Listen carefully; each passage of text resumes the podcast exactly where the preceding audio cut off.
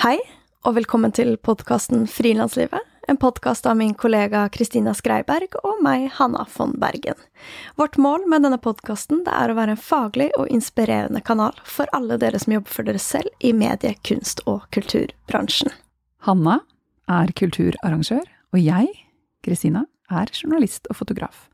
Og vi begge jobber med mange forskjellige prosjekter og vi er veldig glad i å snakke om hva det innebærer å drive for seg selv, og om det å skape, og all den kraften som ligger bak. Og derfor lager vi denne podkasten, og vi håper også du har glede av den.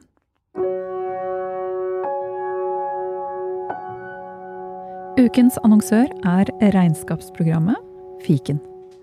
Hanne og jeg, vi har brukt fiken i mange år. Og du, Hanna, hvorfor bruker du fiken? Jeg bruker fiken eh, fordi det er utrolig intuitivt og brukervennlig. Fiken gjør det lett å føre regnskapet selv, som ellers kan oppleves ganske så vanskelig. I fiken så kan jeg nemlig sende fakturaer, ta bilde av kvitteringer med fiken-appen, jeg kan levere moms og næringsoppgaven, og jeg kan gjøre alt fra samme sted. Vil du som lytter prøve fiken gratis i 30 dager? Gå inn på fiken.no. Denne episoden skal handle om hvordan skaffe oppdrag. Vi har nemlig fått inn veldig mange ønsker fra dere om å lage denne episoden, så her kommer den. Woohoo. For hvordan går man egentlig frem for å pitche seg inn til kunder? Hvordan finner man ut hvem man kan kontakte? Hvordan finner man jobb? Noen av dere er helt nyutdanna, og andre er veldig erfarne, men de færreste kan lene seg tilbake og kun motta oppdrag. Veldig mange av oss må aktivt jobbe for å finne oppdrag. Dette har vi mye erfaring med, og håper derfor vi kan bidra til noen nye ideer og fremgangsmåter for å hanke inn flere oppdrag. Og ikke, en, ikke minst en bevisstgjøring rundt det at å gå og hanke inn egne oppdrag, og pitche inn egne ideer, foreslå egne ting, det blir ofte til de morsomste oppdragene, fordi du selv eh, får satt din egen idé ut eh, og realisert den. Så det å skaffe egne oppdrag er eh, for min del eh, Det er ikke negativt i det hele tatt, for jeg syns det er ja, det blir Da kan jeg prege min egen frilanstilværelse. Så kanskje, for noen, en litt sånn mentalitetsswitch. At, at det ikke bare er et slit, men at du kan ta ansvar og gå ut der og skaffe de oppdragene du har lyst på. Mm. Bank i bordet. Ja, og når det lykkes, så er det så gøy. Og ja, så det, det håper vi at vi kan bidra med noen eh, gode strategier. Så Kristina, hvordan forholder du deg til dette med å skaffe oppdrag? Hvordan er liksom din følelse rundt det? Den er i utgangspunktet veldig positiv. Og jeg hadde ikke overlevd som frilanser hvis ikke jeg oppsøkte og pitchet inn egne oppdrag, eh, så å si hele tiden. Kanskje mange tror at det hører med til oppstarten av et frilansliv. De første årene så, så, må man liksom brette opp ermene og skaffe seg egne oppdrag. Men jeg tenker at det er noe jeg kommer til å holde på med hele tiden. Eh, fordi det er helt nødvendig, og litt som jeg nevnte, det er sånn jeg også kan prege hvilke oppdrag jeg får. Det er veldig deilig også å få oppdrag i hendene og ha en miks av det, og det kommer vi litt tilbake til, men i utgangspunktet så har jeg en innstilling om at eh, som frilanser så er det, innebærer det å gå ut og hanke inn egne oppdrag og være veldig oppsøkende og proaktiv og ta initiativ, eh, formidle ideer, gå i møter holde på og holde på og holde på. Og det kan være krevende, men også veldig gøy, som vi sa. Så skikkelig oppsøkende virksomhet. Hele tiden, egentlig. Og det betyr ikke at det bare er lett. Det blir jo lettere og lettere jo mer man gjør det, selvfølgelig. Men eh, det er bare det jeg vet at jeg må gjøre. Det, og at det er det jeg har tenkt at det er det det innebærer å frilanse for min del. Det er en del av pakka. Men koronaåret er nok et litt sånn unntaksår, fordi jeg også har hatt et krevende år hvor alt endret seg, og jeg skulle på høytlesningsturné med en bok som hadde kommet ut, og alt ble kansellert for det neste halvåret. så jeg har også hatt, eh, vært delvis permittert i over flere perioder, og kjent på dette, jeg også, så det er ikke, det er ikke liksom bare flying high. Mm. Og for noen så kan jo timingen i denne episoden kanskje være litt provoserende. Eh, midt i korona og midt i lockdown, hvor det, eh, hvor det, er veldig vanskelig å skaffe oppdrag. Men det er jo nettopp derfor vi tenker at det også er interessant å utvide litt sånn hvordan man tenker på det. Og kanskje det kommer noen nye ideer og nye ting du kan teste ut. Ja, for jeg tenker jo, jo mer krevende situasjon man er i, jo, jo viktigere er det å faktisk eh, gå ut og ta saken i egne hender. fordi da kommer i hvert fall ingenting til oss servert på sølvfat. Ingenting til meg, i hvert fall. Så de som får noe servert på sølvfat, er gratulerer til dere. Det er fantastisk. Unner dere det. Hva med deg, Hanna? Jeg tror jeg tenker litt som deg, selv om du og jeg frilanser på veldig ulike måter. Og der kommer vi også litt tilbake til. Så har jeg alltid tenkt at eh, målet er å egentlig oppsøke så mange muligheter. Man skal åpne opp for så mange muligheter som mulig for å kunne se litt hva som lander. Og for å eh, Og så har jeg også alltid hatt en innstilling at det er veldig vanskelig å vite egentlig hva jeg er god på, og hva jeg liker, før jeg har testa det ut. Så min metode har alltid vært eh, på en måte veldig sånn hands on. Eh, gå ut, gjøre ting, og så evaluere, og prøve å få mer av det jeg syns er skikkelig morsomt å jobbe med. Og min opplevelse også, erfaring, er at oppdrag kan komme fra så utrolig mange steder trenger, altså Når man tenker på å skaffe oppdrag, så er det fort gjort å tenke at man skal pitche seg selv inn i en e-mail til noen som skal betale deg for å gjøre et spesifikt oppdrag. Og det kan det jo være for mange, men uh, for meg så har liksom jobber og prosjekter kommet ut fra frivillig, frivillig verv, egne prosjekter, løse samtaler, altså veldig bredt, da. Så det blir spennende å dykke litt inn i.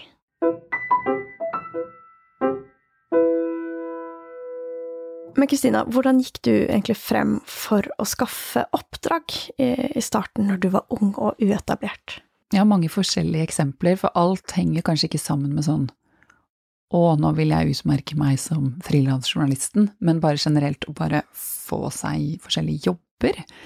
Um, og et eksempel er at jeg studerte i London, og så hadde jeg lyst på sommerjobb på en eh, Michelin-stjernerestaurant i Oslo den sommeren. Jeg så at de trengte folk, og jeg tenkte ja, topp, jeg har lyst til å jobbe der. Men jeg hadde jo ikke noe erfaring fra å jobbe på, en, på fine restauranter. Jeg hadde servert masse, da, men eh, det var det jeg gjorde, sånn som sidejobb. Servitør- og barbransjen.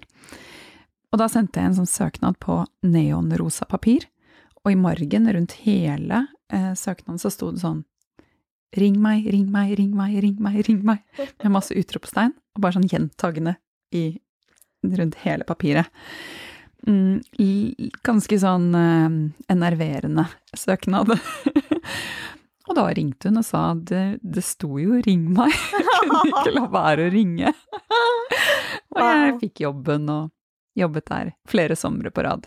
Ja, det er gøy. Ja. Og jeg tenker at her også er det jo utrolig interessant, fordi det kunne jo like gjerne ha feila. Det kunne vært sånn at de bare Ja, men vi er en fin, fin, fin restaurant, og her er det neonrosa med liksom sånn Ring meg, ring meg, ring meg. At det kunne jo vært at det var en mismatch også eh, hos dem, eller hvordan de mottok det.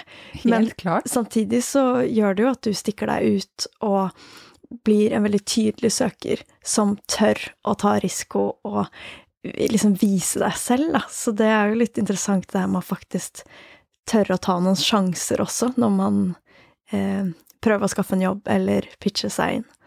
Og jeg var nok ikke så bevisst på det da jeg gjorde det, for jeg var kanskje 22 eller 23.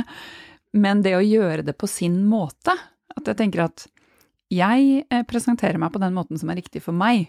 Jeg digget neonrosa, for meg er det naturlig å bare gjøre noe som forhåpentligvis popper i ansiktet på henne når hun åpner konvolutten. Um, fremfor å tenke hva vil de ha? Eh, fordi enten faller de for deg, eller så faller de ikke for deg. Hvis de ikke faller for deg, så ok, da kanskje et annet sted gjør det. Så at man kjenner litt sånn, ja, at true to yourself. Mm. Det er viktig. noe, noe sånt. Altså jeg tenker Vi kan ta flere eksempler fra helt sånn i startfasen, for det er ganske gøy. Um, og jeg tror at man Det er bra å huske på hvordan man var i starten. Fordi da man Da var man ganske naiv. Eh, når man var helt sånn fersk ut av skolen og man bare litt desperat, litt naiv, og det tenker jeg vi bare har godt av å la oss inspirere av vårt unge jeg. Så la oss dykke litt ned i startfasen og ta flere eksempler derfra. Så Hanna, fortell. Yes. Jeg bodde i Oslo, var eh, Hva var jeg? 19-20 år. Og eh, jeg og typen min drev med street art. Eh, vi drev egentlig ikke med det, det er egentlig litt overdrivelse. Vi hadde lyst til å drive med det.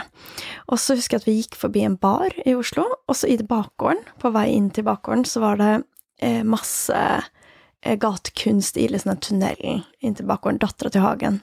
Mm, meg.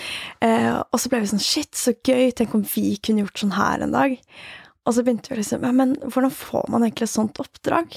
Eh, og vi hadde jo ikke gjort noe, men eh, vi gikk og liksom lagde en, en, skisse i Photoshop. Og så dro vi inn til baren, og så liksom pitcha vi oss inn, da, og sa sånn Dette har vi lyst til å gjøre i bakgården. Og så sa de egentlig sånn Ja, men dere kan ikke bare lage ett et piece, liksom. Én piece. Dere må eh, Det er et helt verk. Enten så gjør man liksom alt eller ingenting. Og så var vi sånn vi kan gjøre alt. og så fikk vi et møte med dagleder. Og vi var jo, jobba jo bar og eh, gjorde egentlig ikke det her for penger da. Eh, og da fikk vi liksom henge der en måned. Vi fikk masse utstyr og mat hver dag. Og så gjorde vi det liksom om til et kjempegøy prosjekt. Og gjorde Og den eh, Men jeg husker at vi ikke fikk noe betalt. Eh, men så hadde vi heller ingen erfaring. så for oss var jo det her helt fantastisk. Det høres kjempegøy ut, Hanna. Og det er et godt eksempel på det å si ja, og bare Vi kan gjøre alt, selv om man ikke helt vet hvordan. Og det syns jeg er jeg glad for at jeg selv har gjort mye opp igjennom. At jeg liksom bare stuper litt ut i det. Sier ja til alle egentlig muligheter som kommer som man har lyst på, eh, lyst til å si ja til, og så etterpå bare sånn Ok, jeg må finne ut hvordan jeg skal løse dette. Mm. Og at det, det, kan jo bli litt mye og litt mye stress og ut av komfortsonen eh, hvis det blir for mye av det, og i perioder har det vært for mye av det for meg. Men det er også veldig Det er noe bra med det òg, tenker jeg, å ikke um, ha for mange Altså bare si ja uten å tenke for mye. Mm. Man finner ut av det. Ja. Og så gikk vi jo veldig for noe vi syntes var skikkelig gøy. Og det er også litt viktig. Vi, for oss var jo det her en sånn kjempemorsom mulighet. Um, og vi dro jo dit hver dag etter jobb, hang der liksom alle kveldene. Uh, ja, jobba, spiste mat, bretta ut sånne store pappark liksom på gulvet, og satt og skjærte ut stensiler liksom i timevis, og bare koste oss med det her. Det, og, det, og det endte jo opp med at vi fortsatte å gjøre en del sånne her prosjekter, hvor vi også har fått liksom betalt oppdrag i ettertid eh, og gjort street art på en folkehøyskole og litt diverse. Jeg skulle gjerne jobbet en måned på Dattera til Hagen og, og laget street art selv, jeg. Ja. Ubetalt. ja, faktisk. Å, det høres deilig ut. Mm. Og ja, den derre naiviteten man har i starten. Jeg startet da jeg bodde i London et uh, magasin som het Ditched Magazine, som var for uh, Øst-London. Uh, fordi da jeg bodde der i 20, 2000 til 2005 eller noe sånt, så var det det fortsatt er, et sånt boblende område med masse kunst og kultur, og, men da var det my mye mindre polert enn det er nå. Jeg og Sandra, en studievenninne, vi fikk en idé til å lage et magasin for det området her. Eh, et lokalmagasin for Øst-London. Og satt på bar og bare kjente at vi liksom Vi kriblet etter å få oss erfaring og få muligheter og få vist hva vi kan, eller få lært og prøvd å finne ut hva vi kan. Eh, så vi bare Vi starter et magasin. Og det gjorde vi, og det holdt vi på med i noen år, og det det er jo et helt eget kapittel, det der å bare sette i gang, for det er så mye, er så mye vakkert over det. fordi eh, man jobber så hardt, og man bare står på, og vi kjørte rundt i sånn kassebil og distribuerte magasiner på alle kafeene da det kom, og Så veldig gøy. Masse, masse læring og masse Ja, bare en utrolig fin tid, men også en definerende tid, fordi det fikk meg til å få smaken på det å sette i gang egne ting. Og at du kan ha en idé, og så kan du få det ut, og det kan bli større og større. Og vi ga ut fem utgaver av 15 000 eksemplarer hver gang. Så det ble jo ganske kult. Um, men det det Det liksom Det litt uh, unge, naive eh, magasinet jeg startet i 20-årene, gjorde at jeg blant annet eh, var vel kanskje ti år senere, ble spurt om å eh, være med å utvikle Aftenposten Junior, som er en barneavis. Eh, fordi de så at jeg hadde jo startet noe tidligere. Ikke bare det, selvfølgelig, masse annen erfaring også, men at det er det å sette i gang egne ting eh, kan lede til så mye annet, og at det kan lede til noe eh, som også blir kanskje enda større, er, er så gøy. Mm. Og Sandra, som jeg jobbet med med Ditched, hun eh, Vi begge studerte journalistikk, eh, og hun er svensk og bor i Stockholm. Og for henne så ble Ditched også Det endret egentlig karrieren hennes, fordi hun begynte jo på journalistikkutdanningen og trodde hun skulle bli journalist. Og så, da vi jobbet med magasinet, så var hennes rolle å være gjøre det grafiske. Så hun liksom var grafisk designeren på magasinet, mens jeg jobbet med tekst og innhold og eh, ja, foto og eh, Så vi hadde veldig tydelige roller, men det gjorde at hun, da hun flyttet til Stockholm, så fikk hun jobb som AD i eh, L, eh, og har liksom ikke vurdert å være journalist igjen, fordi hun bare Å, det er jo grafisk design, ja. og AD jeg vil være. Og AD er da art director. Ja. Så det er gøy at uh, du begynner på noe, og så kaster du deg inn i oppgaver som gjør at uh, du finner ut av hvilken vei du skal gå. Det er megakult. Og når man er helt nyutdanna, så er det jo litt vanskelig å vite hvordan man egentlig skal gå frem for å skaffe oppdrag. Uh, når jeg ble ferdig på Kaospilotene, da har jeg studert tre år prosjektledelse, og egentlig det tredje året så skulle vi ut og i praksis Eller det var veldig åpent, vi kunne gjøre et eget prosjekt, vi kunne jobbe for noen, vi kunne ha en praksisplass, altså litt hva som helst. Uh, og da visste jeg at jeg ville gjøre noe i kultursektoren og i Oslo. Men det var veldig bredt. Men jeg lagde en videopitch uh, som var på ca. et minutt, hvor uh, jeg sa liksom hei, mitt navn er Hanna, litt hva jeg kunne, hva jeg var interessert i, men det var fortsatt veldig bredt, da. Og så sendte jeg den rundt liksom på mailer, spurte folk om de hadde noen tips til kule prosjekter, jeg la det ut på Facebook, ba folk dele det, og det var en veldig god måte for å skaffe seg møter.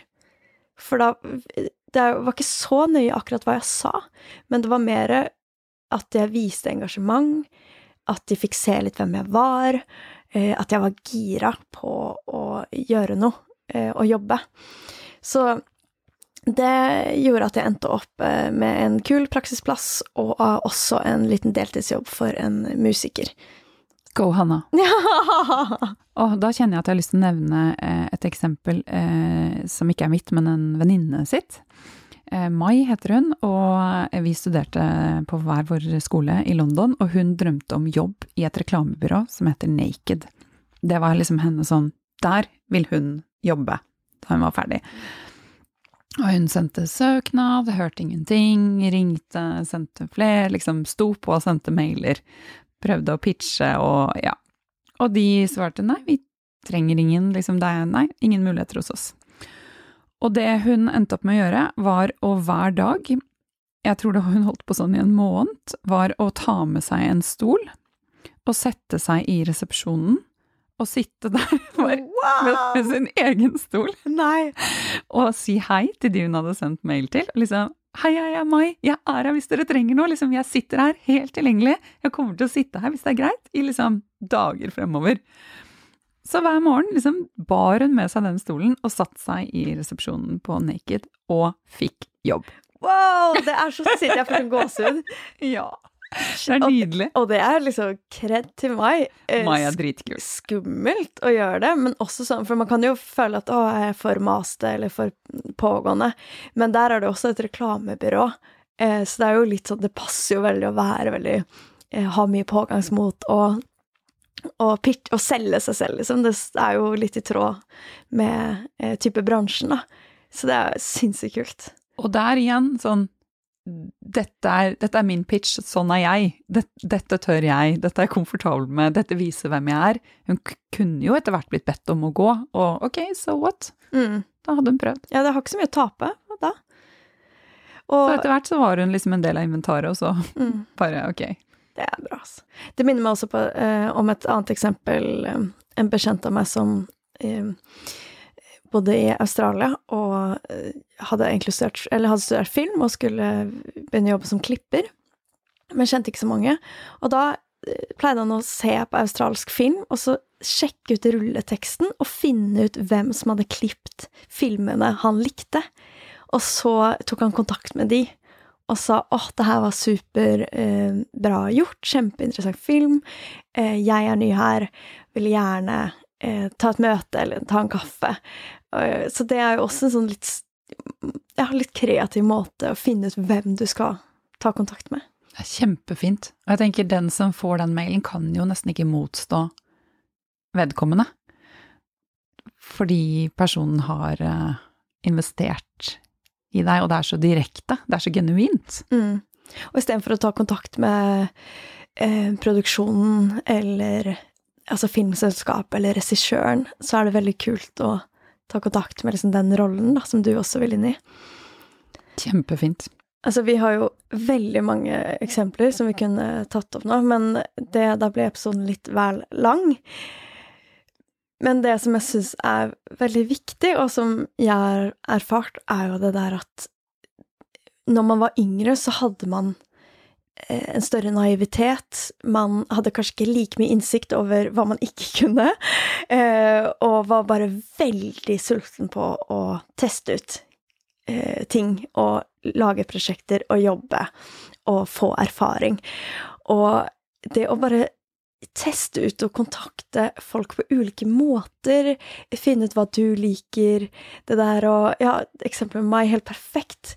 Ja, for hvis du prøver å uh, søke jobb på Finn, da, og så gjør du bare det, og så får man avslag på avslag på avslag, men så er det bare Det er den eneste metoden man prøver også, så ja, kan det jo være supervanskelig. Men hvis man tester ut masse forskjellige ting på forskjellige måter, så er det mye større sannsynlighet for at noe vil lande, da.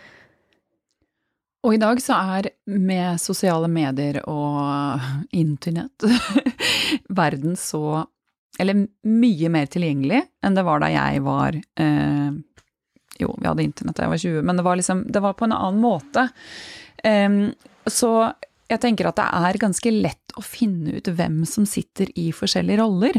Det er ganske transparent, i hvert fall i Norge.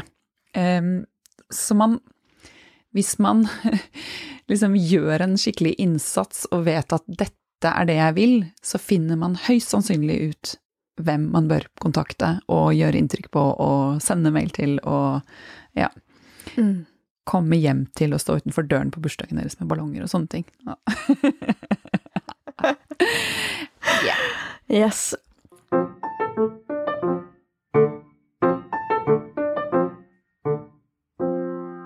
Men skal vi snakke litt om kvaler og ting som kanskje kan stå i veien for at man tør å gjøre alt det her? Ja. For nå høres det jo ut som vi bare ah, det er så lett bare være åpen og go for it. Men eh, det er jo mange ting som er veldig utfordrende, fordi man går ut av sin komfortsone.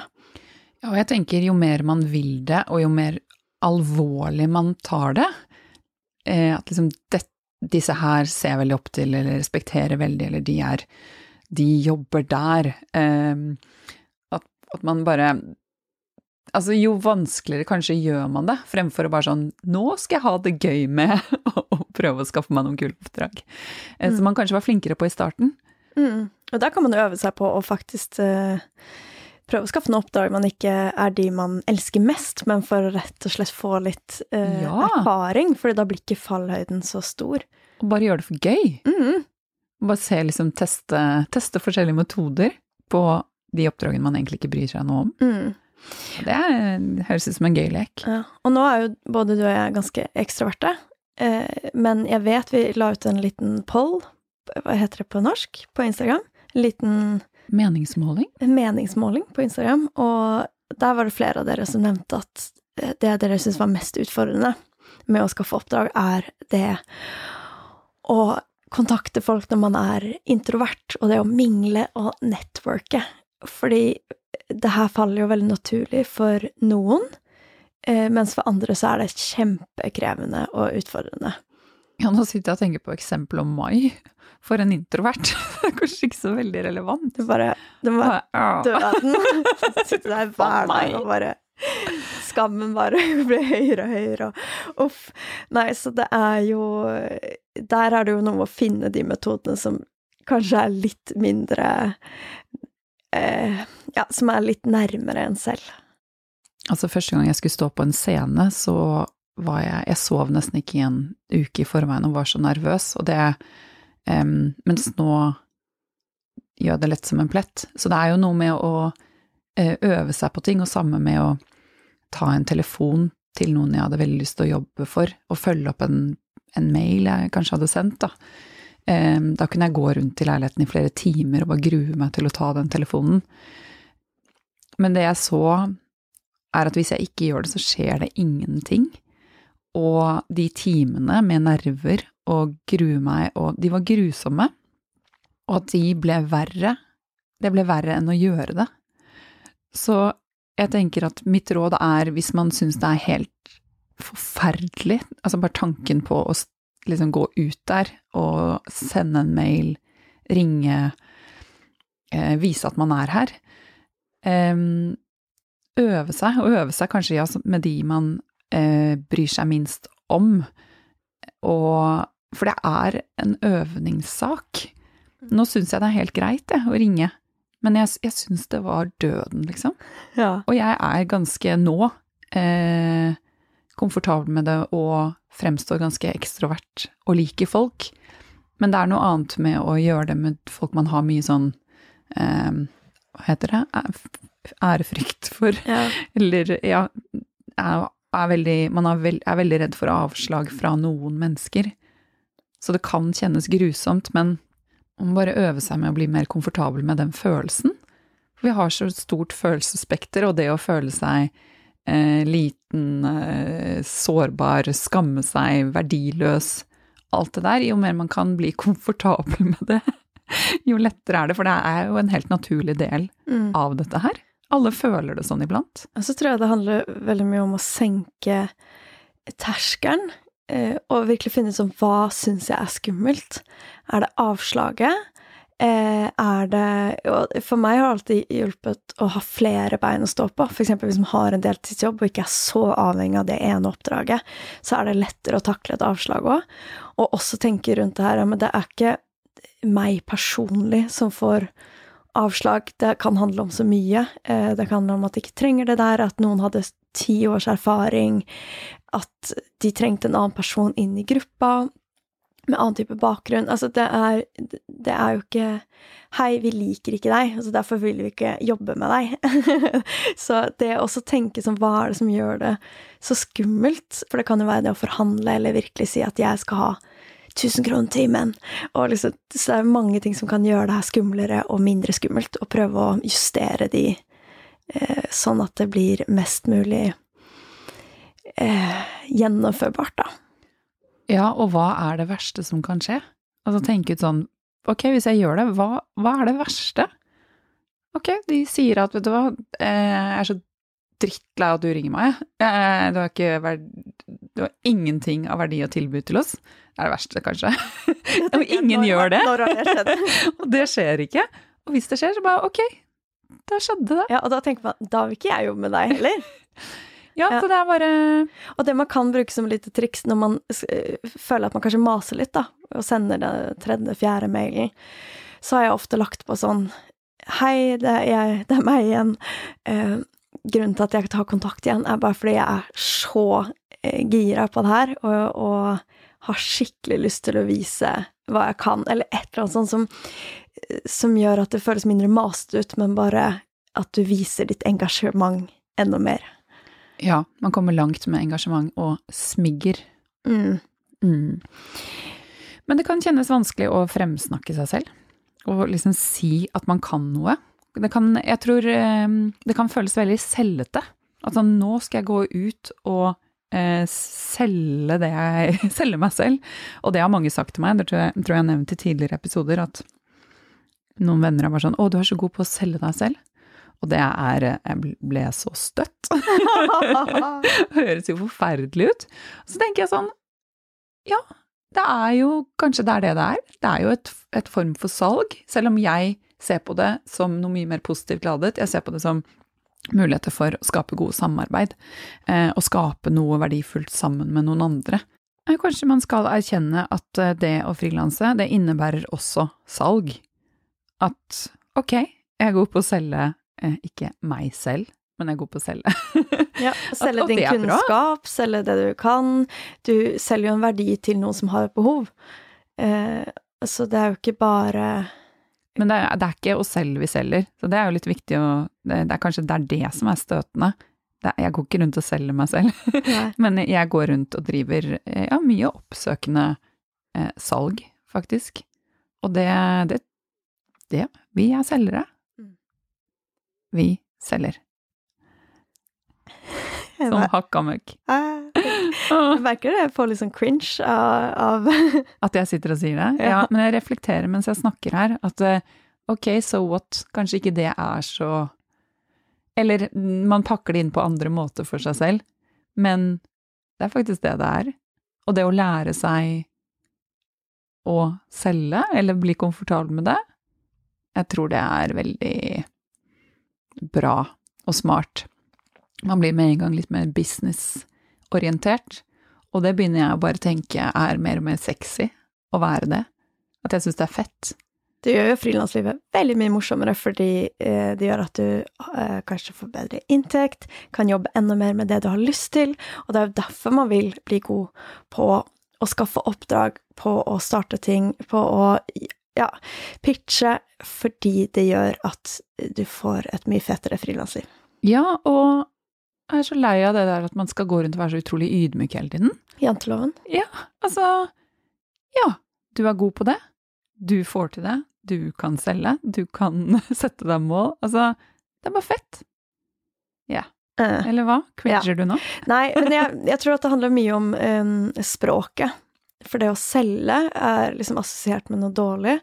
I vår Sam verden. I vår verden, ja. Eh, og kanskje det å nettverke også, tror jeg har Det har i hvert fall vært et ord som jeg har hatt litt problemer med. Også fordi når jeg gikk, eh, tok min utdannelse i Danmark, så husker jeg at det var noen av studentene som alltid skulle liksom nettverke med gjesteforeleseren. På en litt sånn ekkel måte, litt sånn mm. bare for å koble kontakter. Og jeg tror at jeg syns når det blir sånn nettverking på så veldig falsk nivå, så får jeg veldig avsmak. Men når jeg begynte å jobbe og tenkte at ja, men det å nettverke er jo egentlig øh, å ha samtaler og være nysgjerrig på folk, og det liker jeg jo kjempegodt, og det kom så utrolig mange kule muligheter ut fra tilfeldige møter. Og da skjønte jeg men det her er jo egentlig det som er å nettverke. Å se på nettverking eh, som møter med mennesker, og heller gå inn i en samtale og tenke eh, ikke nødvendigvis sånn hva skal jeg få ut av det her, men mer også liksom hva kan jeg bidra med i denne samtalen, eh, øve seg på å være nysgjerrig på folk, eh, og, og, kunne snakke om hva man brenner for og syns er interessant. Eh, så, så, er det liksom en helt annen måte å, å bemøte det med å nettverke på, da. Ja, og det salg og nettverking, det er jo eh, jeg, jeg cringer helt også av de ordene.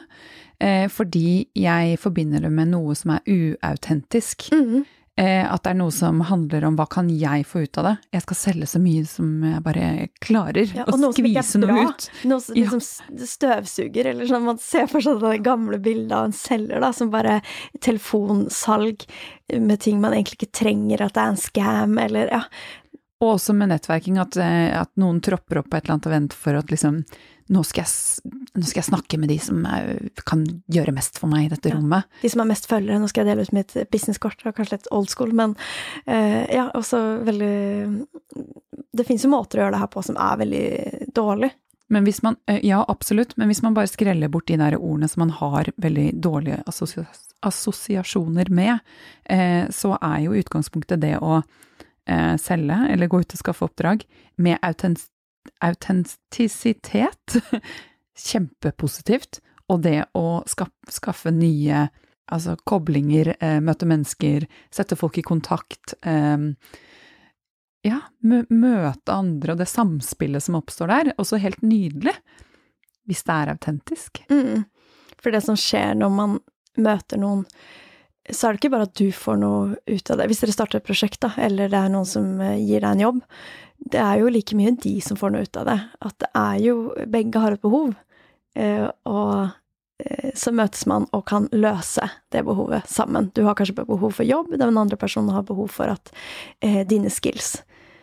Ja, og ved å la være, så taper jo du. Taper potensielle muligheter og prosjekter. Men, du, men de som også taper, er jo de du kanskje kunne samarbeidet med.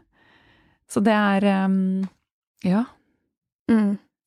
Og så er det jo litt det der å ikke nødvendigvis Ting trenger ikke å være så konkret. Det er ikke alltid at et møte blir et konkret oppdrag som er en betalt jobb, men det kan være en samtale som flere år senere blir til noe, eller at de snakker om deg til noen andre som har det perfekte behovet, da, for det du kan. Så den der snøballeffekten, og det har jeg opplevd så mange ganger, at um, ofte så kommer ting tilbake litt sånn uante eh, Fra uante steder, da. Da jeg pitchet i starten av karrieren med gåseøyne, for karriere er også litt sånn ord for meg, så gikk jeg veldig konkret til verks. Dette har jeg lyst til å skrive om. Fant ut av hvor Hva vil jeg eh, Hvilke saker vil jeg formidle? Hva, hva jeg Hvor ligger hjertet mitt? Eh, og hvem kan jeg skrive om det for? Og så tok jeg kontakt, og investerte veldig i de som jeg tok kontakt med, fremfor å bare eh, teppebombe alle medier med en litt sånn løs henvendelse.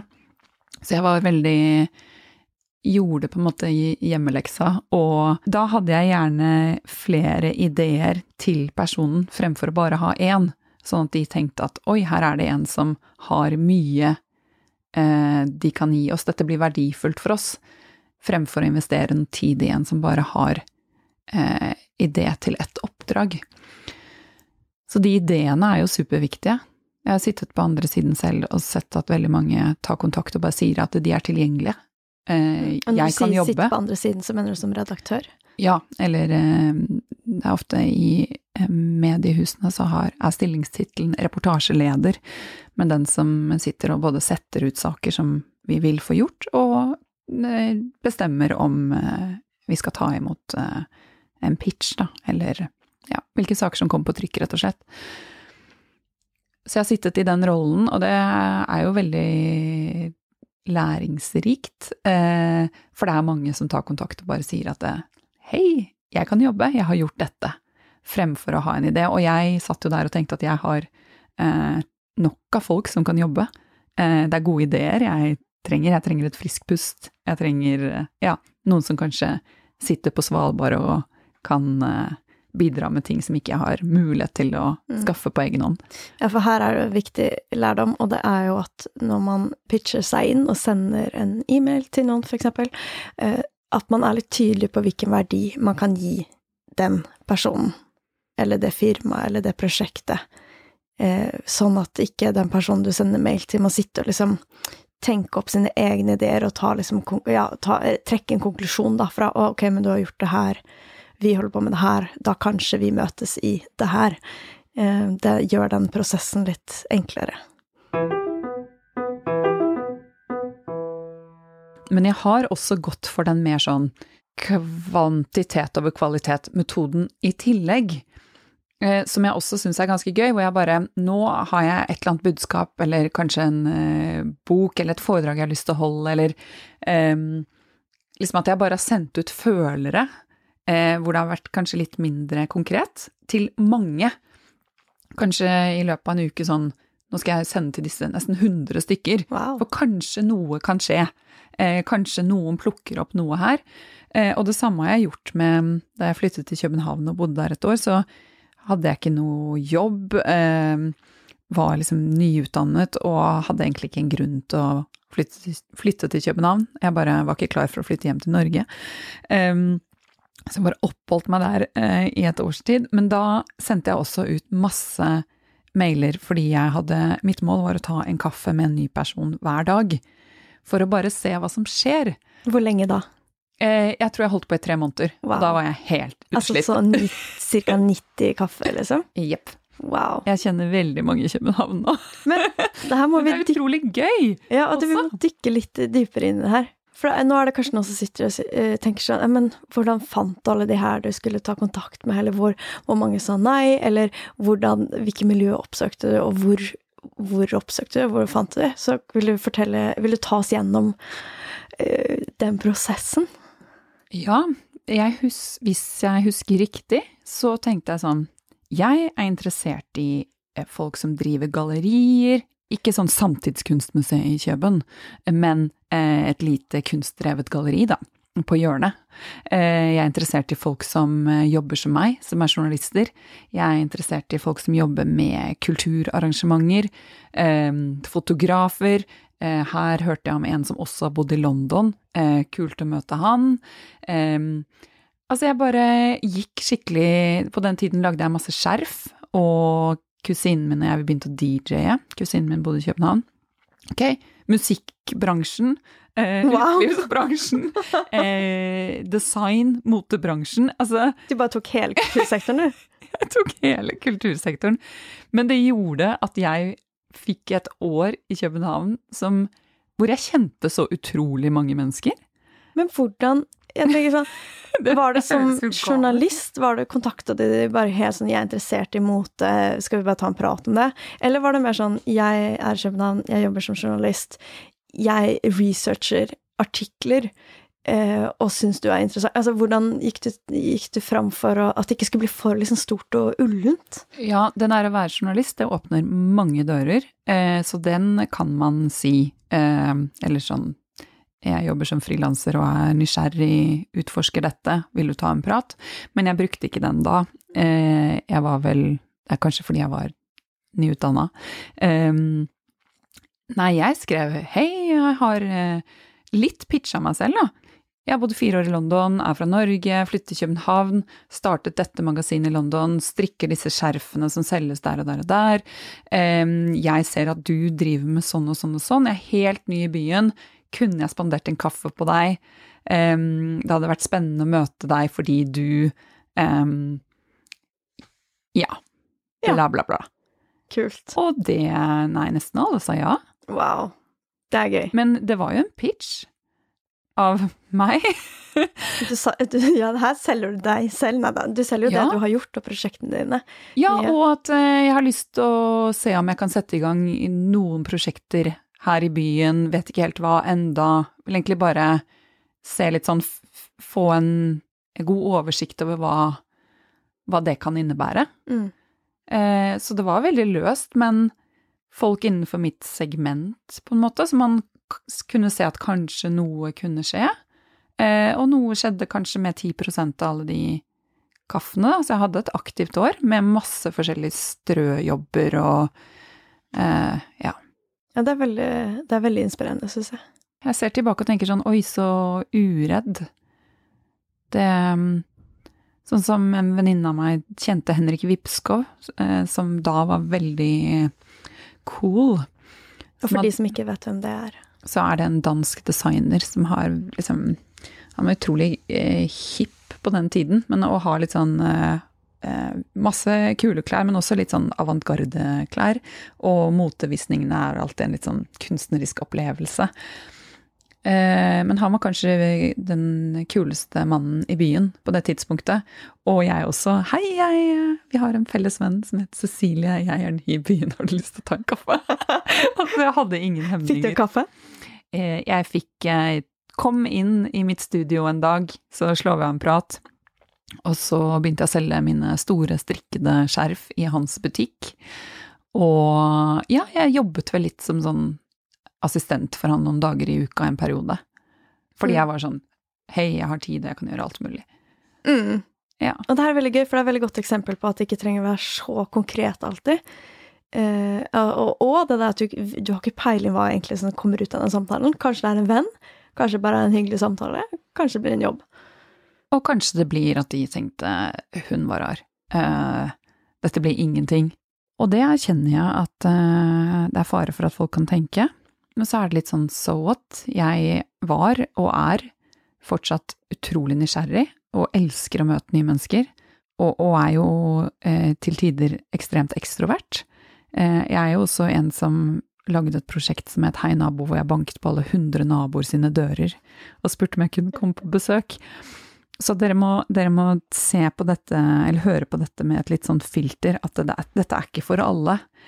Men kanskje man kan ta med seg noe av det, for det er eh, Det verste man kan få, er et nei, eh, og at noen syns at du er gæren, liksom.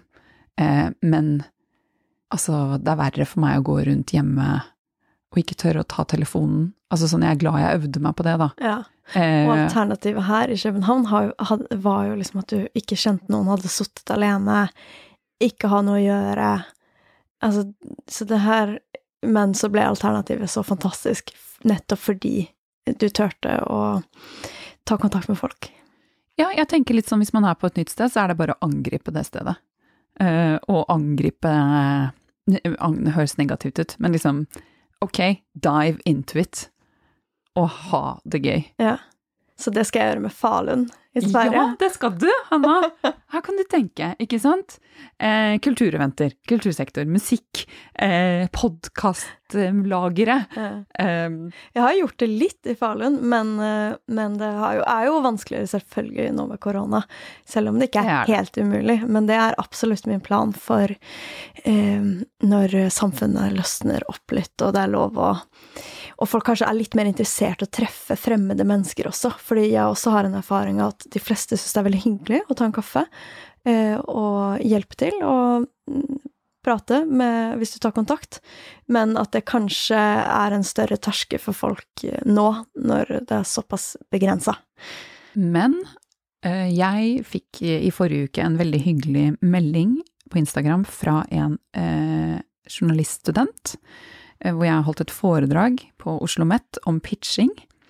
Og hun hadde hørt på det foredraget og hører på podkasten osv. Og, så og spurte om eh, Hun skrev en veldig sånn di direkte melding til meg. Det var tydelig at hun visste hvem jeg var. Det var ikke sånn den sender hun til alle, men fordi hun hadde investert litt i å sette seg inn i hva jeg jobber med osv., så, videre, så, eh, så sa jeg ja til å ta en kaffe med henne, for det var det hun spurte om. Har du lyst til å gå en tur i en park eller sitte på en benk en dag? Eh, jeg er helt ny, eh, vet ikke hvor jeg skal begynne når jeg begynner å frilanse, eh, bla, bla, bla. Og det er sånn Jeg kan jo ikke ta kaffer med, med alle som alle som spør, holdt jeg på å si. Det er faktisk ikke så mange som spør. Men det, jeg rådet folk til det i foredraget yes. om pitching. Strekk hånda ut, spør. Spander en kaffe på folk. Og det gjorde hun, og da tenkte jeg sånn at, vet du hva, nettopp fordi det er korona, så betyr det ekstra mye for henne, og det betyr ekstra mye for meg, fordi ting står mye mer stille nå. Derfor, nettopp på grunn av situasjonen, så sa jeg ja. Mm. Så man kan være nettopp heldig med timingen nå også.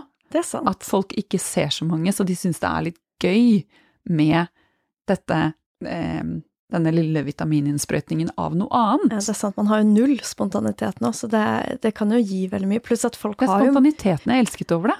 Og folk har jo mindre å gjøre nå uh, generelt, så det kan jo være at det er lettere å få tak i de som kanskje er litt uh, mer uoppnåelige ellers også, faktisk. Akkurat det.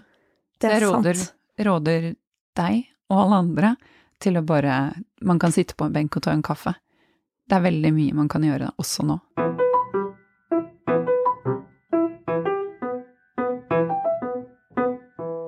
En ting som kan være veldig vanskelig når man skal eh, skaffe oppdrag, er jo nettopp det her med å pitche seg selv. Eh, fordi det kan være litt vanskelig egentlig å beskrive hva man kan, og hvilken verdi man bringer. Og jeg tror, tror eh, ut fra min egen erfaring og hva jeg hører, så er det jo ofte der kanskje mange går litt på trynet, da. At det ikke nødvendigvis er det at det, Kanskje man tar kontakt, men så får man ikke så mye eh, tilbakemelding eller så positive resultat. Og det kan jo handle om at folk ikke helt skjønner hva du kan bidra med, eller hvilke samarbeid du er på utkikk etter. Så det å tenke på alt du har gjort, og hvilken erfaring du sitter på, og faktisk jobbe litt med å kunne kommunisere det, tror jeg kan være en veldig viktig brikke da, i det å skaffe oppdrag. Å være ganske tydelig på det, ja. Men og, hvordan finner man ut av det, da? Jeg tror jo det er litt sånn her selvransakelse, at det er flere måter å finne ut på. Eh, både ved å egentlig Vi har jo snakka tidligere om at når vi har lagd hjemmesiden vår, så har vi plutselig fått en oversikt over alle prosjekter. Eh, på min hjemmeside så har jeg skrevet liksom arbeidsoppgaver i de ulike prosjektene, eh, for jeg jobber ganske bredt. Og da har det liksom blitt mye tydeligere ok, hva er egentlig de ulike rollene jeg har hatt. Så det å egentlig se bakover og prøve å se hva er den røde tråden, eller er det noe Noen ganger så er det jo en spesifikk erfaring som du vil pitche inn til noen. Men det å eh, kunne se liksom hvilke bein har du å stå på, da, kan være veldig fint. Og det å få noen andre som kjenner deg godt, til å beskrive hva du er god på, uh, gjerne da noen som du har jobba med tidligere, kan også være superhjelpsomt. Og kanskje i tillegg til å liksom ta alt det her av skills, hvilken erfaring du har, hvilken utdannelse du har, og hva, hva har du lært deg, hvilken kompetanse har du, så handler det også om hvordan du jobber. Og det syns jeg faktisk Jeg har fått ganske mye oppdrag.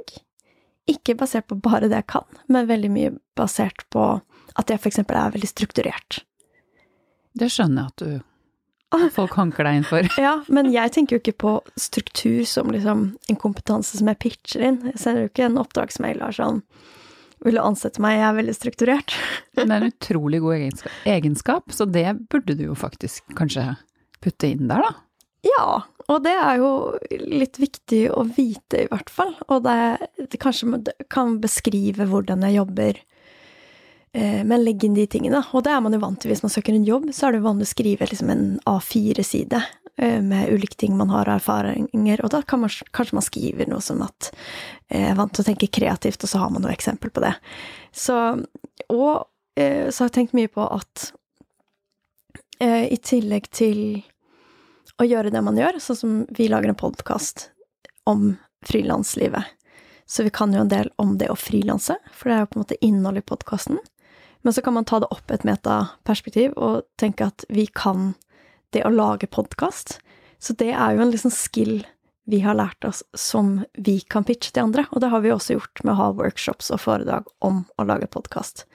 Så hvis man liker å formidle, så er det jo veldig kul anledning til å tenke hva har jeg gjort som jeg også kunne Som kunne vært eh, relevant da, for folk å lært seg, eller Eller, eh, for å dra den enda litt lenger, det å ha foredrag eller kurs om hvordan starte egne prosjekter og eh, leve av de. Eh, for at det er ikke alltid akkurat det ene prosjektet du jobber, jobber med, men det eh, at det kan overføres til veldig mange andre ting også. Og det tror jeg det er for de fleste. At eh, den kompetansen du har tilegnet deg i ett prosjekt, kan du også overføre til et helt annet prosjekt eller et helt annet oppdrag. Men er, jeg tror man kan se, se, seg litt blind på seg selv. Mm. Naturlig nok. Eh, så det å mm, sende eh, den søknaden eller eh, pitchen eller hva det er, altså den henvendelsen, til en venn eller en kollega eller noen du deler kontor med eller deler hjemmekontor med, eh, først er ofte veldig nyttig. Jeg har venner som har gjort det med meg, hvor, jeg er, hvor de bare 'Å, jeg er litt ukomfortabel med å skrive sånn tekst om meg selv'. Um, og så har de skrevet kanskje et lite avsnitt hvor jeg bare eh, Hallo, her har du Må du gå noen runder til. Fordi her må du ha med litt om at du er sånn og sånn og sånn og sånn, og sånn, for det ser jo jeg. Og det glemmer de å se om seg selv. Mm. Så det kan være veldig nyttig å få det blikket utenfra. Ja, og så er det ikke sikkert at man trenger å inkludere alt man kan hvis man jobber veldig bredt, da. Så er det ikke Det kan kanskje være forvirrende hvis man pitcher inn sånn Å, jeg driver litt med musikk, men så lager jeg også en podkast, men så arrangerer jeg også kultureventer, og at der må jeg tenke litt hvem er det jeg kontakter, og hvorfor kontakter jeg en person, og hva ønsker jeg egentlig å oppnå, og hvilken, hva tenker jeg, hvilke behov dekker jeg, eller hvilken verdi kan jeg skape. Man Eh, ikke trenger å fremheve alt i én mail, men porsjonere ut ut ifra hvem man kontakter, ja. Ja, og trekke fram relevant erfaring, og det gjør man jo ofte hvis man skal sende en CV, eksempel. Så er det ikke sikkert man tar med alt på CV-en, men man, man velger ut det som er mest relevant for en stilling. Eh, og litt på samme måte kan man gjøre når man snakker med noen, eller sender en mail, eller kontakter noen på sosiale medier. I tillegg til å være god på å kommunisere det du kan, og hvilken verdi du kan skape, så er det jo veldig viktig å vite hvem du prater med. Og her har du et veldig bra eksempel, Kristina. Ja, jeg fortalte til Hanna for litt siden om eh, en person som ringte meg fordi hun kjenner en som jeg kjenner, og så sa han du, hadde du giddet å ta en samtale med eh, vi kaller henne Mona. Og så ringte hun, og så spurte jeg litt sånn ja, hva kan jeg hjelpe deg med, og hva, hva vil du, og hva Ja, litt sånn hvorfor ringer du meg? Og det var helt tydelig at hun visste ikke hvem hun ringte. At hun ringte meg. She did not know. Nei, um, fordi hun hadde veldig lyst til å jobbe med podkast, men hun ante ikke at jeg lagde podkast. Og da tenker jeg at um, hun hadde lyst til å jobbe i en del redaksjoner, men hun ante ikke hvor jeg hadde jobbet. Og jeg tenker hvis hun bare hadde googlet, så hadde hun fått opp hjemmesiden min, hun hadde fått opp eh, podkasten vår, og hun hadde visst at jeg hadde Hun kunne spurt etter helt konkrete ting. Eh, om hun kunne bidra her, eller om jeg kjente den, eller tips til hvordan komme inn akkurat der og der. Eh, men det ble så hun, hun visste ikke helt hva hun var ute etter, det, og det handlet jo også om at hun ikke visste hvem hun snakket med. Jeg ble så forundret over at hun ikke hadde bare brukt noen minutter på å google. For, det, for meg er det litt sånn det hvis du skal ta noens tid, så i hvert fall sette deg litt inn i hvem du eh, ringer til, fordi ellers så kanskje man forspiller mulighetene sine litt, da. Mm, Det er veldig godt råd å bruke litt tid på å researche. Og det ble så vanskelig for meg å hjelpe henne også, fordi hun ikke Man brukte ganske mye tid på å kave seg frem til hva er det hun egentlig ringer meg for, eh, fremfor at det kunne bli ganske konkret og fruktbart, da. Mm. Så det research deg selv, men også research den du skal prate med. Ja. Men man blir ganske sliten av å hele tiden holde på sånn også. Ja. Eh, Jeg eh, Det er eh, pitching og oppsøkende virksomhet som holder koken i gang for meg. Og selvfølgelig kommer jo veldig mye tilbake også. Og mer og mer med årene har det jo gjort det. Men jeg har også alltid vært veldig bevisst på at jeg vil ha noen jobber som ikke krever alt av meg. Hvor oppdragsgiveren eh, stort sett er fornøyd med det jeg gjør, og hvor jeg ikke trenger å liksom stå på og bevise hver eneste gang, men hvor det jeg gjør, det er liksom Det er godt nok, og at det, det blir levert, kommer ideer servert til meg også. Eh, Men det kommer ofte ved at man har investert en del i den relasjonen, eh, og da etter hvert begynner det å gå begge veier. Mm. Men det er veldig godt å ha noen jobber som er liksom ikke nødvendigvis er superspennende, i kombinasjon med alt det andre som man virkelig vil, da. Vi har jo snakka litt nå om det å ta direkte kontakt med folk, men en annen strategi er jo faktisk å synliggjøre det man vil gjøre mer av. Så om du har lyst til å ha mer foredrag, ta bilder når du er og har et foredrag, kanskje ha foredrag frivillig for noen, eh, rett og slett for å dokumentere noe du virkelig har lyst til å gjøre mer av, og så kunne legge ut det om du har Instagram, TikTok, Facebook, hva enn, hjemmeside. Eh, For det gjør at andre som er i din bransje, da, eller din sfære, kommer til å se det, og ah, ok, du gjør foredrag, ja. Hm. Og da kan de neste gang de tenker på noen de trenger, så kanskje du kommer opp som et godt alternativ. Ja, det, det er knallbra. Og det tenker jeg ofte på hvis jeg er ute og gjør noe, at eh, dokumentere at, at jeg gjør det. Eh, nå i dette eh, koronaåret som har vært, så har jeg følt at jeg har vært mye mer sånn introvert, så det har føltes litt sånn rart å drive og legge ut ting på Instagram når man føler at man ikke gjør noe. Men vanligvis så tenker jeg at verdien ligger ikke like mye i å få dokumentert at man gjør det, men det er en stor verdi å få gjort det, fordi da kan du faktisk bruke det til å få nye oppdrag. Ja, og jeg også ser på sosiale medier veldig mye som et verktøy for det å skape prosjekter, for å skaffe oppdrag, eh, og ikke kun for eh, at det er gøy å legge ut bilder, og det er gøy å eh, snakke med folk på nettet. Så det er jo noe med å se på det også litt som ja, som et verktøy da, for frilanslivet. Ja, også det hjemmesiden som du var inne på, at uh, for meg har det vært kjempeviktig å ha, å alltid ha det. Og nå står det at jeg holder foredrag på den hjemmesiden, og hvis man får tatt bilder hver gang man er ute og gjør det, så er du kanskje heldig å få ett bilde som blir superbra, som du kan bruke på hjemmesiden som en sånn 'jeg holder også foredrag'. Mm. Så det er um, ja, superlurt å dokumentere det man gjør. Nå snakker vi uh, ut fra våre egne erfaringer, og vi jobber jo i, i ulike bransjer, og de bransjene har jo ulike struktur, ulike eh, portvoktere, kan man kalle det. Eh, og fungerer på ulike måter. Så i tillegg til å researche hvem du skal snakke med, så er det ganske viktig å forstå hvordan fungerer egentlig bransjen din eh, hvis du lager kunst, er det liksom Du må kanskje inn på det galleriet, eller fins det en annen måte? Hvordan gjør de andre det?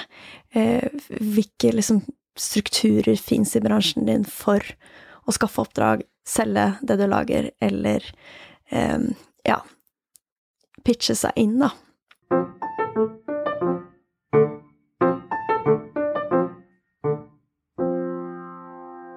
Spørsmål vi fikk inn, var fra en lytter som føler at han har eh, kun én oppdragsgiver, og blir veldig låst til den, og hvordan få flere når man bruker all tid på én, og at det kanskje ikke er så lurt å bare ha én, og liksom hvordan, hvordan navigere det der.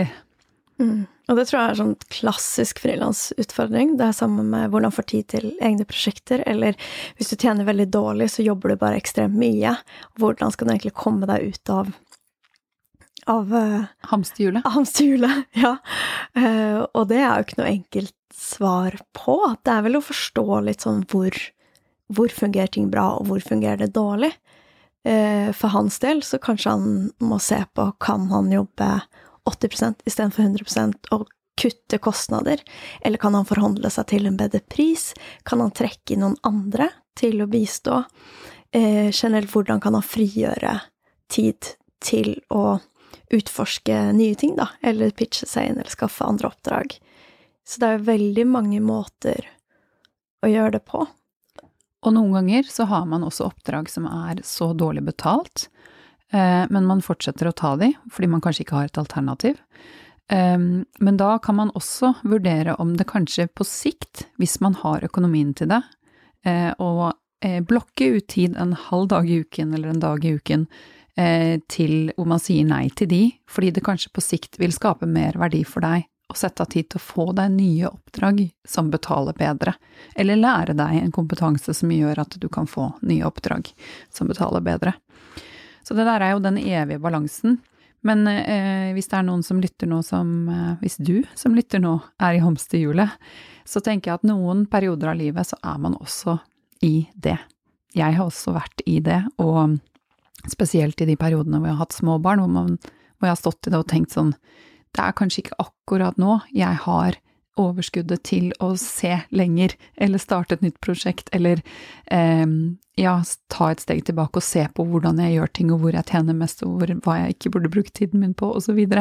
At man bare biter tenna litt sammen og tar den ene uken etter den andre. Mm. Det er også helt greit. Det er så mange faser av dette frilanslivet, og mange av oss skal jobbe sånn lenge. Så det, er, eh, det vil komme andre perioder. Mm. Og et tips vi fikk inn på Instagram, var å ikke kun sende de her mailene uh, og pitche seg selv i perioder hvor man har veldig lite jobb, da, og kanskje er litt desperat, men at man gjør det som en vane, uh, at man jevnlig sender de mailene og sender de forespørslene. Fordi da ofte så lander man jo ikke ting liksom asap ting tar jo litt tid før det settes i gang, og det er ofte en lang dialog med en samarbeidspartner eller med en kunde før det faktisk blir til noe. Så det å ha litt sånn varme leads eh, kan være Ja, veldig fint da, å øve seg på å ha. Og det trenger ikke være så store mål. Det kan være én mail i uka. Kjempelurt. Og også se tilbake på alle man har jobbet for, hvor kanskje eh, kommunikasjonen bare liksom ble borte, hvor man leverte noen ting kanskje en periode, og så sluttet det. Um, og noen ganger kan man tenke at å, det kanskje slutta en grunn, kanskje de ikke ville bruke meg mer, uh, det har en naturlig forklaring, men veldig mange ganger så har det ikke en naturlig forklaring. Personen i andre enden bare gikk videre til et nytt prosjekt, eller byttet stilling, eller um, ja, glemte det litt de òg, de er også i et hamsterhjul. Så da kan man ja, gå tilbake og bare ta opp tråden igjen. Og eh, fordi der har du en relasjon som sannsynligvis er ganske varm, som kan være lettere enn å ta opp eller ta en helt sånn eh, kald eh, Hva heter det? Kald eh, Kald call. Call. Nei. Å ringe noen du aldri har snakket med før, var det jeg skulle frem til. Ja, en kald telefon. Mm. Ja. Hanna, eh, du har mange gode råd til hvor man kan lete. Ja, du har litt sånn smørbrødliste. Jeg prøvde å egentlig uh, scoute litt og samle en slags uh, smørbrødliste på steder man kan lete etter oppdrag. Og uh, noe vi ikke har snakka så mye om, og det kanskje handler litt om at vi ikke er helt i den bransjen, men det fins jo ganske mange nettsider hvor man kan legge ut sine tjenester. Og for film og TV så kan det være Frilansbanken eller Time to Riot, steder hvor man kan registrere seg som en frilanser. Eh, og det vet jeg det finnes for andre typer bransjer også. Eh, og det kan jo være litt fint hvis man som sidejobb, eller hvis man er litt introvert, og, og legge, gå den veien, da. Andre steder man kan øh, følge med på, er jo visse Facebook-grupper. Vi er f.eks. med i Unge lovende kulturkvinnenettverket. Eh, det er jo en Facebook-gruppe som er ganske stor, mange, mange tusen medlemmer. Og for hvor, kvinner, da. Og for kvinner, og for kulturbransjen. Der det legges ut ganske mye oppdrag og jobber. Men det fins jo masse, hvis du er skuespiller, hvis du er danser, hvis du er eh, fotograf, så fins det jo masse av de her gruppene. Så Facebook og Facebook-grupper. Eh, en annen ting er å finne selskaper som du ser opp til, og tror kan ha nytte av dine tjenester, og rett og slett starte å kontakte de. Um, det kan jo også være skoler, universiteter, folkeskoler, eh, som hvis du liker å formidle, eller komme og snakke om et prosjekt du holder på med og som nevnt tidligere, begynne å dele eksempler på det du driver med, eh, på en tydelig måte, eh, og dele ditt arbeid, da, i sosiale medier eller nettside. Søk opp folk på Instagram. Eh, det er jo litt som i Facebook-gruppene, men der er det litt lettere å finne miljøer, finne kule folk. Rett og slett spør de om å ta en kaffe, eller spør de et direkte spørsmål på ja, Instagram Messenger. Gjør som Kristina og eh, søk opp folk for en uh, kaffe og en litt sånn løs prat. Du vet aldri helt hvor det kan ende. Ofte kommer det veldig mye bra ut av det. Eh, Eller så er jo kreative miljøer, sånn som kontorfellesskap, utrolig verdifulle. Og rett og slett sitte og jobbe et sted med masse andre folk som er i samme bransje. Og det har vært veldig nyttig for meg. Mm. Hvor eh, hvis det har vært jobber andre ikke kan ta, eller jeg ikke kan ta, så kaster vi de mellom oss. Eh, og ikke minst bare drodler om ting. Mm. Og at det er nye ideer og nye kontakter og ja, kommer ut av det. Noe jeg har benytta meg mye av, er å jobbe frivillig. Um, og det har vært utrolig bra for å skaffe oppdrag, for det er noe med å få en fot innafor. Og spesielt når jeg ikke hadde så mye erfaring, var ganske nyutdanna, så var det utrolig fin måte å kjenne på om er det her noe jeg vil jobbe med, f.eks. festivaler. Og eh, ofte så har jeg kanskje hatt et frivillig verv, og så har jeg kanskje søkt på en stilling året etterpå. Du kan sjekke ut hvor andre som gjør noe som ligner på det du gjør, får sine oppdrag. Det kan jo være alt fra hvor et prosjekt får finansiering, til hvilke samarbeidspartnere de har, eller hvilke frilansere de jobber med, eller hvilke kunder de har, og så eh, gjør litt research på avstand. Og så er det jo det her med å oppsøke kurs, workshops, foredrag, eh, webinarer, nettverkseventer, fordi da samles jo masse folk som er interessert i et tema som du også er interessert i. Og der knyttes det lett kontakter, og du lærer noe, og du kommer deg litt inn i eh, en gjeng som kan skape mye muligheter. Dagens versjon av det er kanskje Clubhouse. Faktisk. Jeg har ikke vært der. Men det, det er et godt tips. Yes. Skal vi runde av med det, eller? Ja, ja. det syns jeg. Så lykke til, folkens. Vi håper at eh, det her bidrar til at dere får noen nye oppdrag. Det gjør vi. Ha det bra. Lykke til. Tusen takk til Grafill for tilskudd til denne podkasten. Grafill er en organisasjon for alle som arbeider eller utdanner seg innen design og illustrasjon.